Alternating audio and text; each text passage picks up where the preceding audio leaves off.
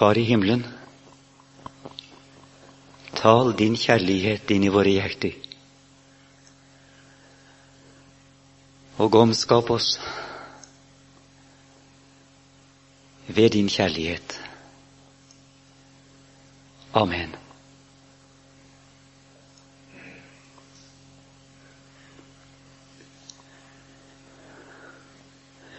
Du står foran en galge.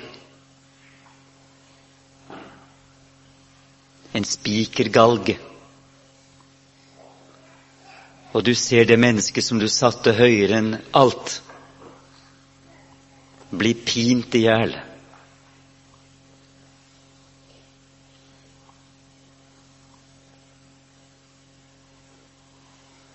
Og da kommer denne fryktelige tanken.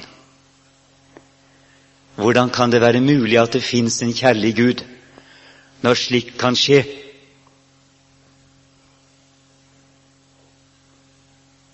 Du står på Golgata. Du ser det fryktelige. Den sanne, hele, rene, med spyttklaser i ansiktet.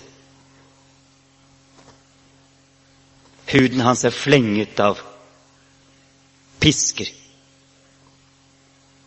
Blodet drypper ned i øynene hans fra tornekronen. Han henger så elendig som noe menneske kan være, og dør til slutt av hjerteinfarkt.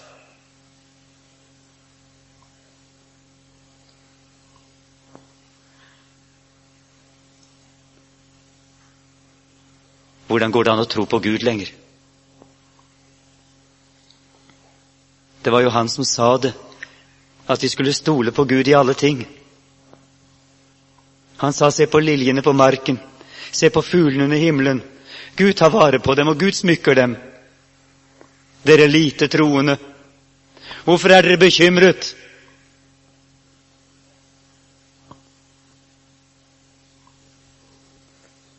Men nå er himmelen tom. Og når dette mennesket dør slik, da må Gud være død. Jeg tror ikke det fantes noen Gud å tro på der på Golgata. Hva kunne disiplene tro? Hva kunne Maria tro?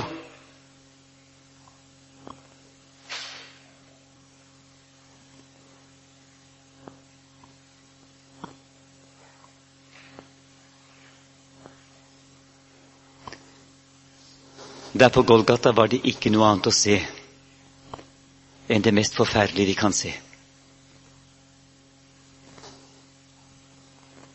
enn det mest forferdelige noen av oss noensinne har sett.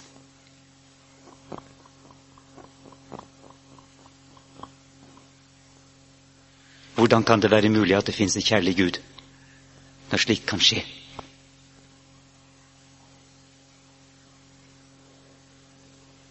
Hvis dette spørsmålet noen gang har steget opp i et menneskes hjerte, så måtte det stige opp i en disippels hjerte på Golgata.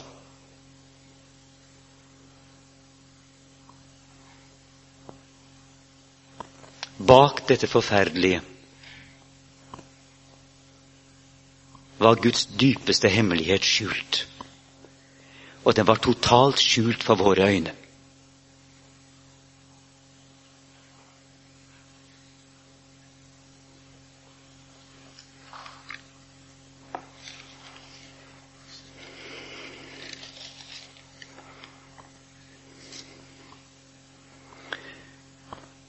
Historien den begynte langt tilbake i tiden. I menneskehetens barndom.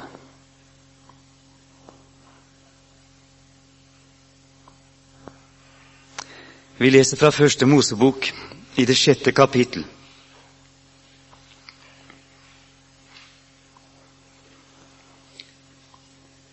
Gud Herren så at menneskets ondskap var stor på jorden, og at alle dets hjertes tanker og påfunn bare var onde den hele dag.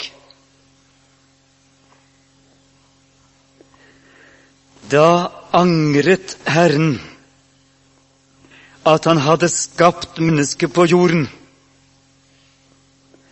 Og han var full av sorg i sitt hjerte.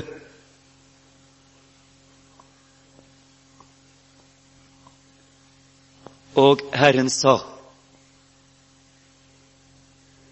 Jeg vil utrydde menneskene som jeg har skapt av jorden. Både mennesker og fe og kryp og fuglene under himmelen. For jeg angrer at jeg har skapt dem.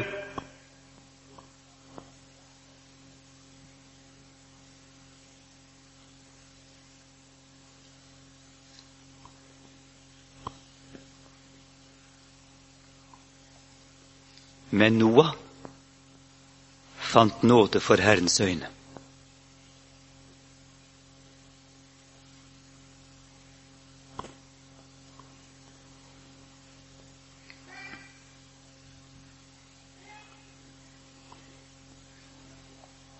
Jeg vet ikke frykteligere ord i hele Skriften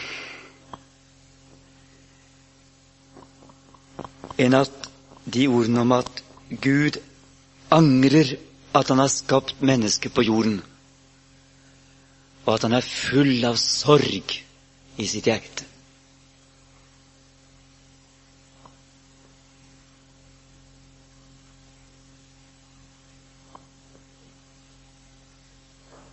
Og allikevel Noah fant nåde for Herrens øyne.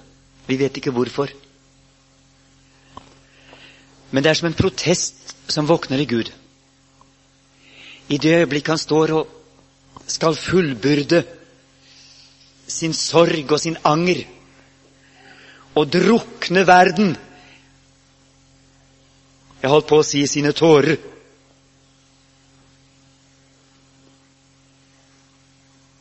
Så tar han et forbehold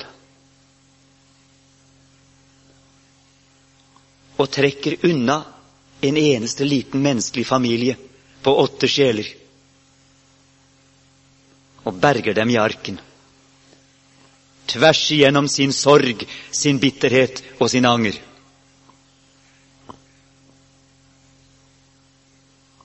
Åtte mennesker berges gjennom denne fryktelige dåp som Gud lar hele verden drukne i.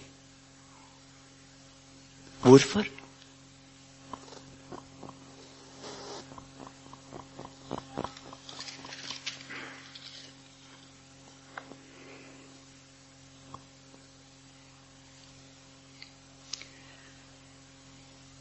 Det er gåtefullt. Og vi kan ikke forstå det. Og vi får ikke noen løsning på det enda etter at syndfloden er avsluttet og arken er strandet på Ararat, på det tørre land. Vi leser i det åttende kapittel, fra det tyvende vers. Og Noah bygget Herren et alter og han tok av alle de rene dyr og av alle de rene fugler og ofret brennoffer på alteret. Og Herren kjente den velbehagelige duft. Og Herren sa i sitt hjerte Jeg vil aldri mer forbanne jorden for menneskers skyld. For menneskehjertets tanker er onde fra ungdommen av. Og jeg vil aldri mere drepe alt levende som jeg nu har gjort. Heretter skal, så lenge jorden står, sæd og høst og frost og hete og sommer og vinter og dag og natt aldri høre opp. Hvilken begrunnelse har Gud til at han aldri mer vil ødelegge jorden slik? Han har én begrunnelse. Menneskehjertets tanker er onde fra ungdommen av. Det var jo det som var utgangspunktet for Gud.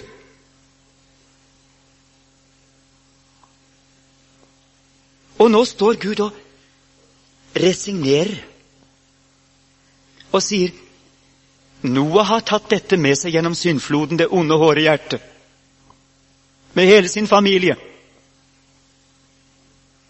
Det er den samme slekt som er berget ut av syndfloden, som den som gikk under i syndfloden.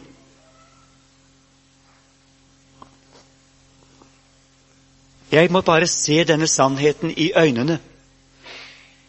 Menneskehjertet er ondt fra ungdommen av.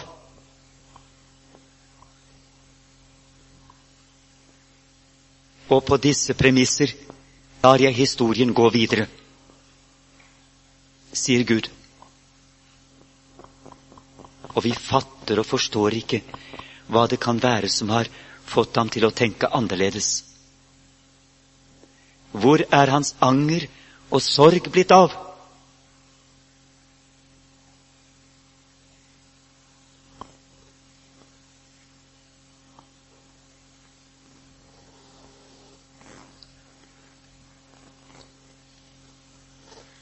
Og så så gir Gud denne menneskehet med det onde hjertet Han gir dem en tegn på sin pakt med jorden og alt levende. Og Gud sa til Noah og sønner som var med ham, Nå vil jeg opprette min pakt med eder og med eders efterkommere, og med alt levende som er hos eder, både fugler og fe og alle de ville dyr som er hos eder, alt som gikk ut av arken, alt som lever på jorden. Jeg oppretter min pakt med eder, og aldri mere skal alt kjød utryddes ved vannflom og aldri mere skal det komme en vannflom som ødelegger jorden. Og Gud sa, dette er tegnet på den pakt som jeg gjør mellom meg og eder og alt levende som er hos eder, til evige tider. Min bue setter jeg i skyen, og den skal være et tegn på pakten mellom meg og jorden. Og når jeg fører skyer over jorden, og buen sees i skyen. Da vil jeg komme i hu den pakt som er mellom meg og eder, og alt levende av alt kjød. Og vannet skal aldri mere bli til en flom som ødelegger alt kjød. Og buen skal stå i skyen, og jeg vil se på den og komme i hu den evige pakt mellom Gud og alt levende av alt kjød som er på jorden.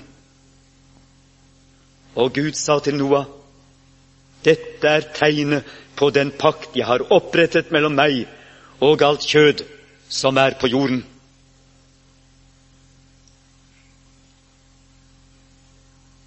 Jeg vil se på den og komme i hu den evige pakt.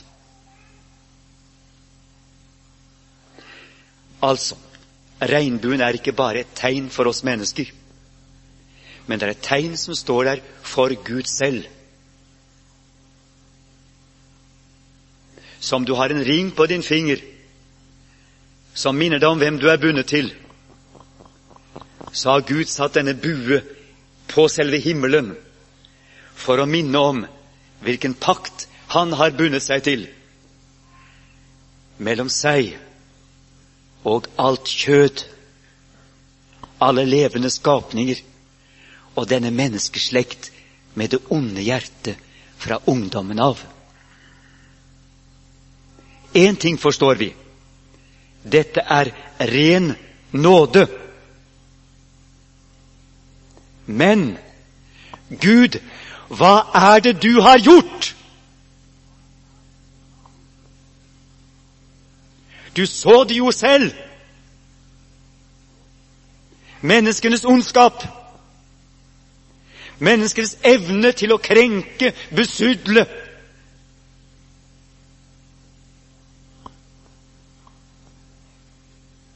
Hva er det for et ansvar du har påtatt deg? Når du ikke fulgte ditt eget hjerte, og ikke fullbyrdet din sorg og din anger, men lot denne slekt leve, og lot denne historie gå videre.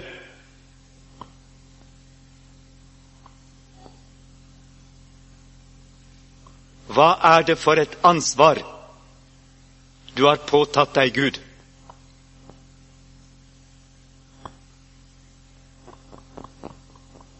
Ved å opprette en slik pakt med en slik slekt.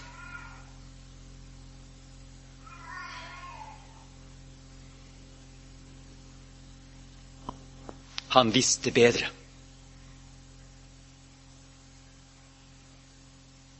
Slik kan det også sies.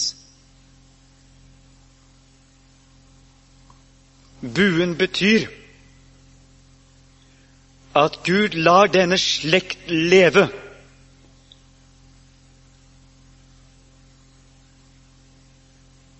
Uten å gripe inn med sin allmakt mot denne slekts ondskap og synd.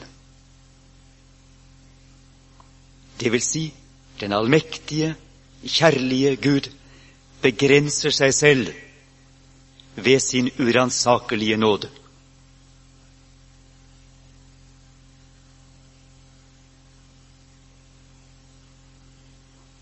Under denne bue, som er vevet av sol og regn,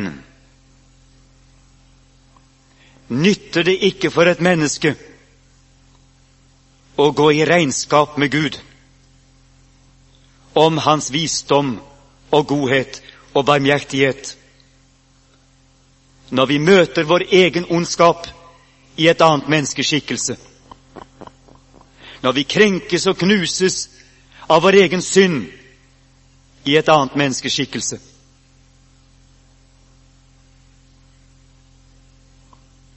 Han kunne ha utslettet oss alle. Men vi lever i kraft av en utgrunnelig nåde som også lar det onde skje. Det kan ikke være annerledes om en slik slekt skal spares til frelsens tid.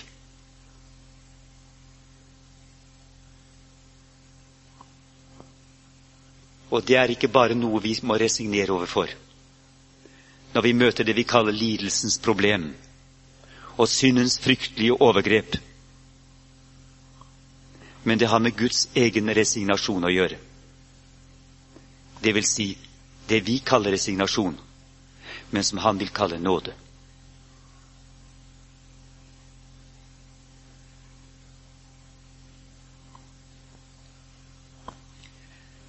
Men hvor ligger nøkkelen? Er vi for evig tid innestengt under denne pakt? Under denne strålende hvelving?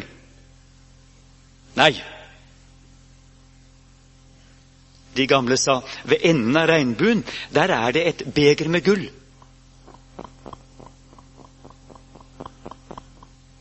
Hvis du bare kommer dit hvor regnbuen går ned, hvor den har sitt fundament, så finner du en skatt.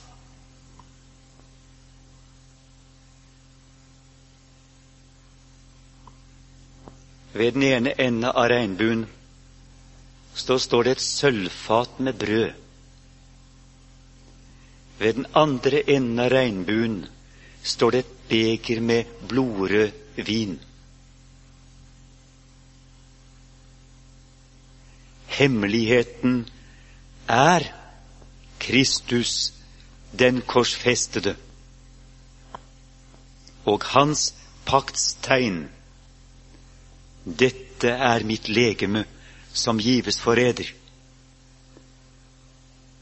Denne kalk er den nye pakt i mitt blod, som utgytes for eder, til syndenes forlatelse.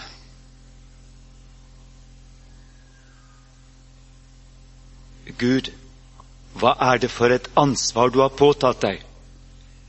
Ansvaret for våre synder.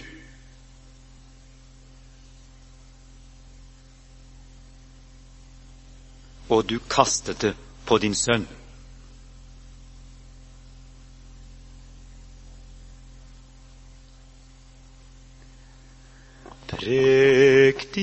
Flammer paktens bue. Spent og tent av sol i regn. Vannet bryter livsens lue. Lysets dåp er nådens tegn. Farverik står Skriften åpen over Noas vantroslekt. Lyset som steg ned i dåpen, bærer hele vredens vekt. Lammets vei er paktens bue. Lammets død er solig regn. Lammets blod er livsens lue, brutt i vann som nådens tegn. Nådens ånd har atter gjestet Noas barn med paktens håp. Malt for øynene, korsfestet, ser vi Jesus i vår dåp.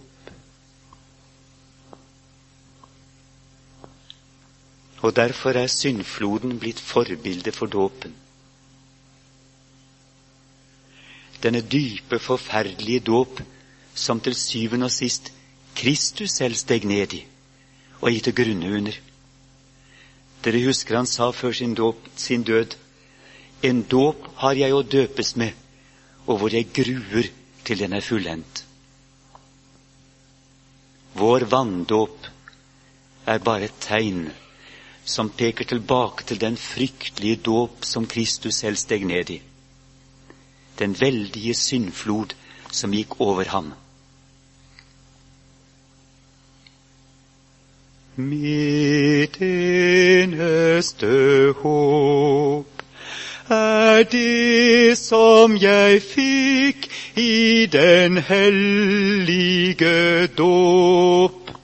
For loven har dømt meg og slått meg i hjel og lagt meg i graven med kropp og med sjel.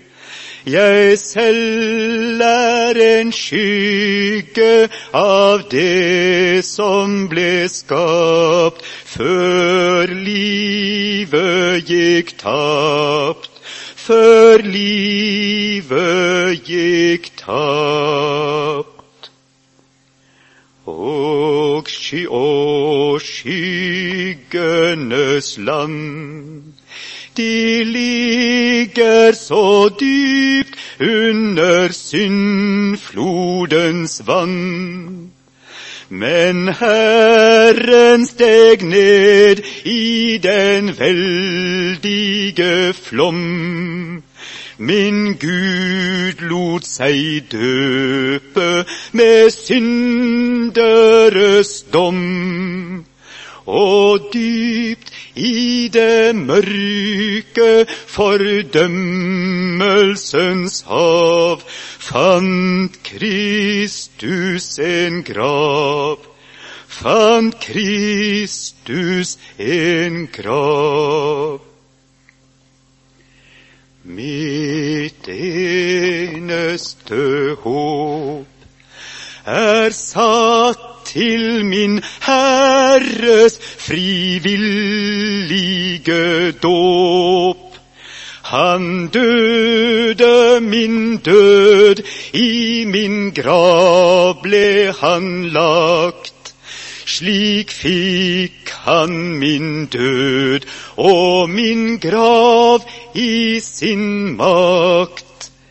Straks steg han av dåpen med velde og bød, en dåp til sin død, en dåp til sin død.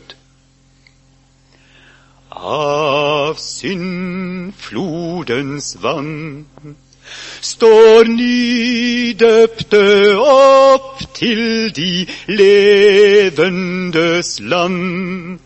Han døptes til min død, jeg døpes til hans. Slik har han forvandlet min klage til dans. Han løser mitt liksvøp, jeg jubler for Gud. I prestelig skrud, i prestelig skrud. oppstandelsen.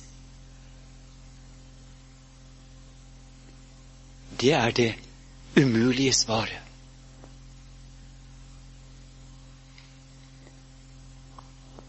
Men merk en ting. Det er bare de mennesker som har stått foran Jesu kors og har mistet alt gjennom hans pine og død. Det er bare de som har stått der og gått inn i dette mørket som heter 'Min Gud, min Gud, hvorfor har du forlatt meg?' Det er bare de som la sin tro på Gud i graven sammen med Jesus. Det er bare de som er død med ham, som møter ham på den tredje dag, sånn oppstanden. For det er bare de som er tilgjengelig for selve oppstandelsens hemmelighet og budskap. Han viste seg ikke for Pilatus. Hvorfor skulle han det? Hva betød Jesu død for Pilatus? Han viste seg ikke for Herodes, ikke for fariseerne, og disiplene spør ham, hva kommer det av at du viser deg for oss, men ikke for verden? Nei, for verden har aldri stått overfor denne grusomme, forferdelige hemmelighet som heter rett og slett Guds sorg over mennesket og Guds sorg over sin enbårne sønn. Denne knusende, forferdelige sannhet.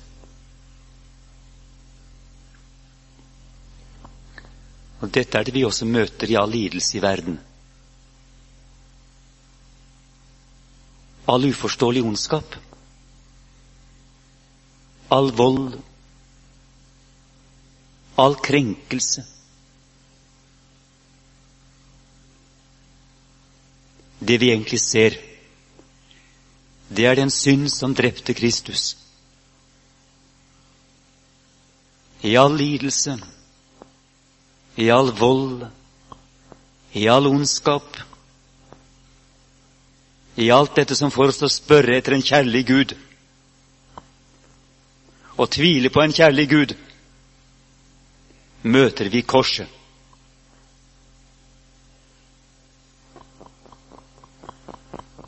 Møter vi Guds svakhet og dårskap.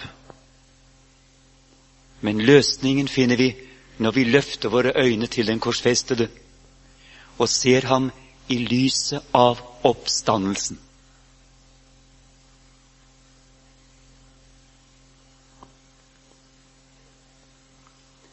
Prisen for å opprettholde en menneskeslekt slik som vår, det er det som kirkefedrene kalte for Guds død. Kristus korsfestet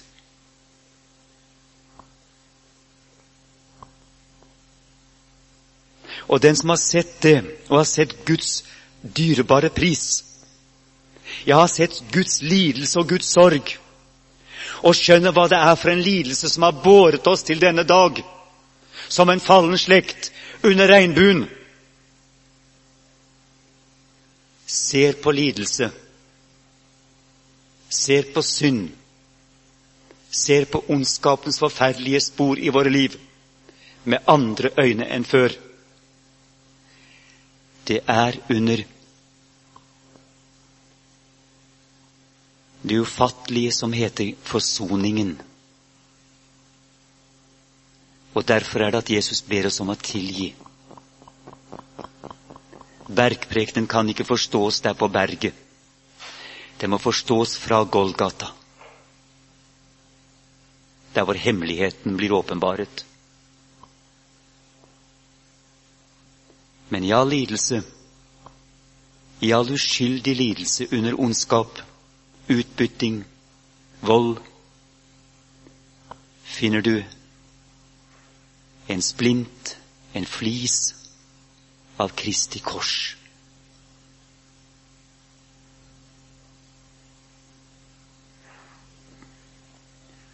Ære være Faderen og Sønnen og Den hellige ånd, som var og er og blir en sann Gud, fra evighet og til evighet.